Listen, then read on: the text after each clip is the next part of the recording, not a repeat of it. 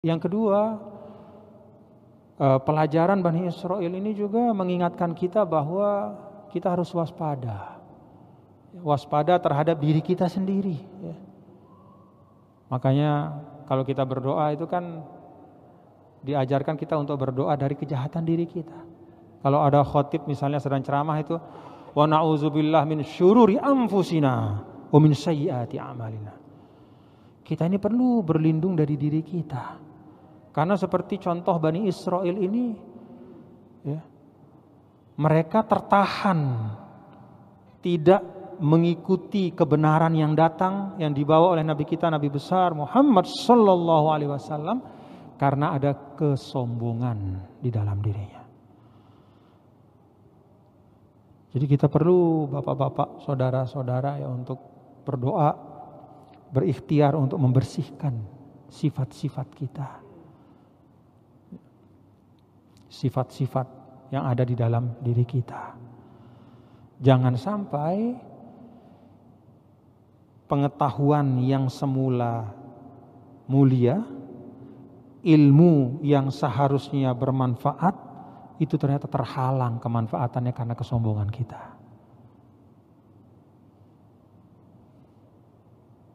Nah karena itulah Nabi kita Nabi besar Muhammad Sallallahu Alaihi Wasallam menyampaikan tidakkah tidak akan masuk surga orang yang dalam hatinya ada kesombongan walau sebesar biji sawi.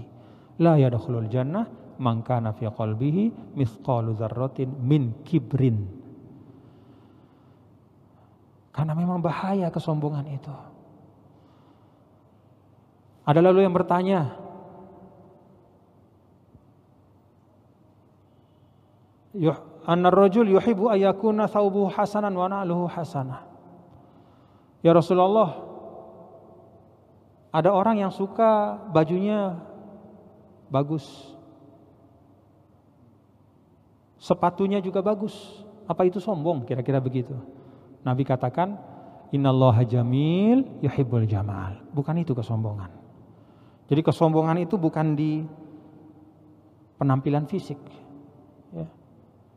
Walaupun, walaupun ya bisa juga, ya, bisa juga seseorang sengaja menggunakan penampilan fisiknya untuk menunjukkan yang ada dalam hatinya. Tapi tidak selalu. Ya. Jadi penampilan fisik ya, apa adanya itu bukan ukuran hati seseorang. Bahkan berpakaian yang bagus itu masyru'. Masyru' itu artinya apa? Diperintah untuk berpakaian yang rapi. Tidak harus mewah tapi yang rapi. Nabi paling tidak suka kalau ada bagian bajunya beliau itu bolong.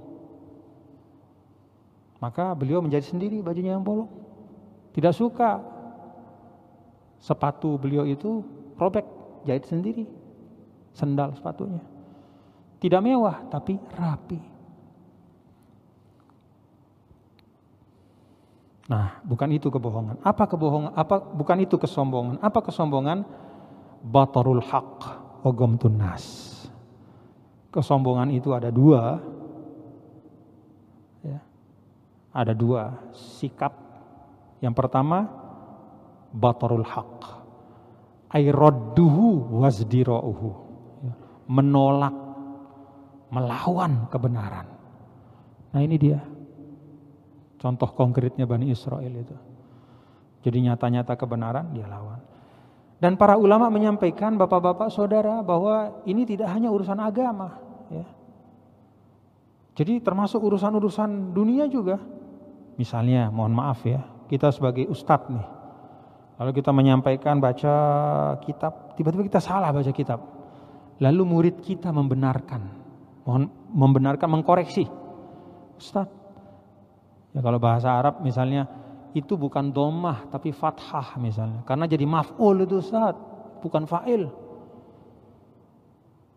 Oh, kan harusnya senang ya, tapi oh, ini Ya tidak mesti pakai mulut tapi cukup dia melotot sama muridnya. Hati-hati.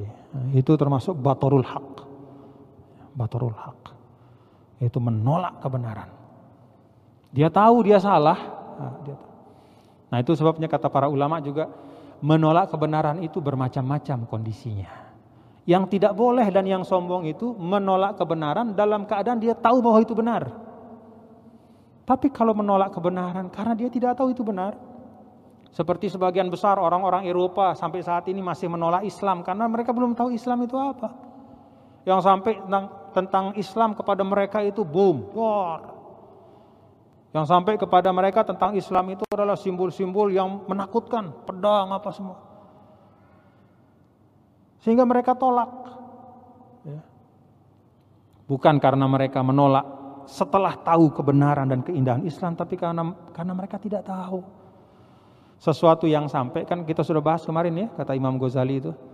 Imam Ghazali mengatakan ahlul fatrah itu yang macam-macam termasuk ahlul fatrah kata beliau adalah orang-orang yang sampai sekarang masa ini hidup tapi tidak sampai kepada mereka Islam dalam bentuk yang sebenarnya itu ahlul fatrah. Tashmaluhumur rahmah.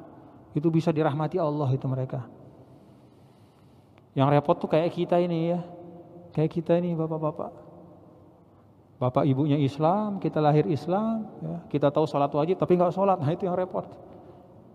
Udah tahu kita Islam inilah pilihan hidup kita, tapi tidak kita kerjakan, itu bahaya kita. Jauh lebih bahaya daripada orang yang belum Islam, ya, tidak masuk Islam, karena itu dia tidak sholat, tidak zakat, tidak tidak puasa, karena belum sampai kepada mereka kebenaran Islam. Jadi hati-hati. Tuh di ujung mana misalnya negara Eropa, ada Slovenia namanya, kemudian Hongaria, Rumania, di kampung-kampung banyak orang yang nggak ngerti tentang Islam. Secara secara fikih, ya memang dia kufur, tapi hati-hati kita, hati-hati. Dia tidak beriman bukan karena menolak, karena belum sampai Islam itu dalam bentuk sebenarnya. Nah jadi itu kondisi ya, kondisi yang dimaksudkan adalah dengan oleh Rasul sebagai ke, kesombongan menolak kebenaran adalah kalau orang menolak kebenaran dalam keadaan dia tahu itu benar. Kalau menolak kebenaran karena dia tidak tahu itu kebenaran, bukan sombong. Kalau menolak kebenaran karena dia mengira ya, ada suatu alasan, ada satu perspektif yang membuat kesamaran sehingga dia menyangka itu adalah uh, apa? kebatilan juga enggak bukan sombong. Jadi dalam uh, Islam itu jelas ya bahwa al-hujjah qomat alaman balagot hudda'wah bahwa pertanggungjawaban itu akan diminta dari orang yang sudah sampai kepadanya. Ya, kebenaran itu. Makanya kita ini ahlu dakwah misalnya tuan guru ustadz ya. Atau kita lah sebagai umat Islam jangan kita sombong. Hati-hati. Jangan sampai di NTB ini ada orang yang orang yang apa yang tidak sampai kepadanya dakwah. Tuan guru banyak tapi kadang-kadang kita ini majelisnya mutar-mutar di situ tapi ada sisi-sisi sudut-sudut yang belum tersentuh hati-hati nanti ketika dia meninggal ditanya sama malaikat dari mana ente wah saya di Lombok kok ente nggak sembahyang? Apa itu sembahyang katanya? Loh, banyak tuan guru di sana. Ada tuan guru Fahru Rozi, tuan guru Bajang. Nggak pernah dengar, saya nggak pernah datang katanya. Ah, repot kita itu tuan guru. Hah? Repot kita itu. Jadi syaraf ya yuqabiluhu mas'uliyah. Dakwah itu kehormatan, ya, jadi ahlu dakwah itu kemuliaan, tapi di situ ada tanggung jawab yang besar.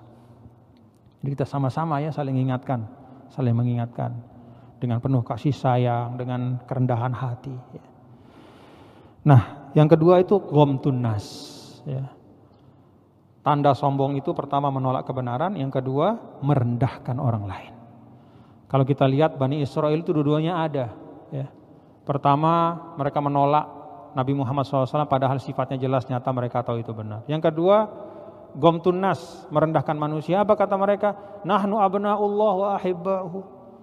Kita ini kekasih kekasih Allah yang lain-lain itu kelas dua semua. Sya'bullah al-mukhtar kami ini kami ini apa umat yang terpilih. Bangsa yang terpilih. Lalu semua dihina direndahkan. Hati-hati mohon maaf ya bapak-bapak saudara Kadang-kadang kita dalam kehidupan keseharian tidak sadar kita gom tunas ini kita lakukan. Ada orang kita nggak suka karena etnis tertentu kita umpat etnisnya. Dalam Islam itu tidak boleh mengumpat mengumpat etnis itu tidak boleh. Tidak ada orang memilih lahir jadi orang Cina, tidak ada. Memilih jadi orang Arab, tidak ada. Jadi orang Lombok, kita lahir ya, ya ini sudah bentuk kita lahir. Maka urusan etnis, suku, bangsa itu tidak dibahas dalam Islam. Yang dibahas adalah iman dan amal soleh. Maka saya mohon kepada kita ya, jangan ikut-ikutan ya, dalam situasi apa pun. Jangan stereotyping orang. Apa itu stereotyping orang? melekatkan satu sebutan. Ya. Yang sebenarnya mungkin hanya ada satu, dua, tiga, empat orang yang kayak begitu. Tapi kemudian semua etnisnya kita sebut begitu. Itu tidak boleh. Itu termasuk apa? Uh, minal jahiliyah. Ya. Itu sifat jahiliyah berbangga-bangga dengan suku sambil merendahkan suku yang lain. Jangan. Banyak di medsos saya baca gitu kan, umpatan-umpatan kepada suku tertentu apa etnis. Jangan ikut. Jangan ikut, jangan disebarkan. Cilaka kita itu. Karena bukan itu ajaran Islam.